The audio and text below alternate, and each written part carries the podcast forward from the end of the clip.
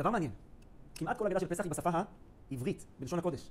מה נשתנה, עבדים היינו? למעט כמה משפטים בהתחלה, על לחמניה, וכמה שירים בסוף. חד גדיה, נכון? בסדר, הוספות, הוספות. מעניין. אז יש בזה הסברים שונים.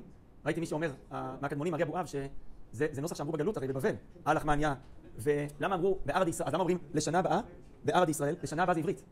זה עברית. אז זה אומרים דווקא בגלל הגויים שלא ישמעו את זה שאנחנו מדברים על לצאת משם. אבל הסבר יפה, שמעתי בזמנו מהרב אורי שרקי. הוא אומר, השפה מעידה על המצב הנפשי שלך. אתם מכירים את זה שאדם הוא אילם, הוא אילם כי הוא לא מוצא את המילים לבטא את עצמו? אז הוא סוג של אילם. אחד הדברים שקרו במצרים זה שיש לנו יכולת לדבר את עצמנו. יש לנו יכולת לבטא את האני מאמין שלנו, אנחנו לא תחת עם אחר ותרבות אחרת. זה מה שאומרים שפרעה זה אותיות פה, רע, ופסח זה פה, סח. אתה יכול לדבר. אז אחד מהביטויים לגאולה זה שאתה מדבר בשפה שלך. זה לא עניין טכני, לדבר בעברית זה יכולת לבטא את עצמך במושגים הישראלים הרוחניים. אמר לי גיסי שהוא היה צריך להעביר שיחה בספרדית, באמונה, ממש לדבר על אלוקים. להסביר את האמונה, איך יודעים את האמונה באלוקים בספרדית. אמרתי, שמע, יש מילים בספרדית לאמונה, לאלוקים, לאלוקות, אבל זה שונה. זה לא, זה לא מצליח לנגוע בדיוק באותם מושגים בעברית. זה מושגים אה, ספרדיים, וזה קשה להגיע לאותן נקודות בספרדית, למרות שיש מילים. אז הגאולה מתבטאת במעבר לעברית. אז למה פתיחת ההגדה היא בארמית?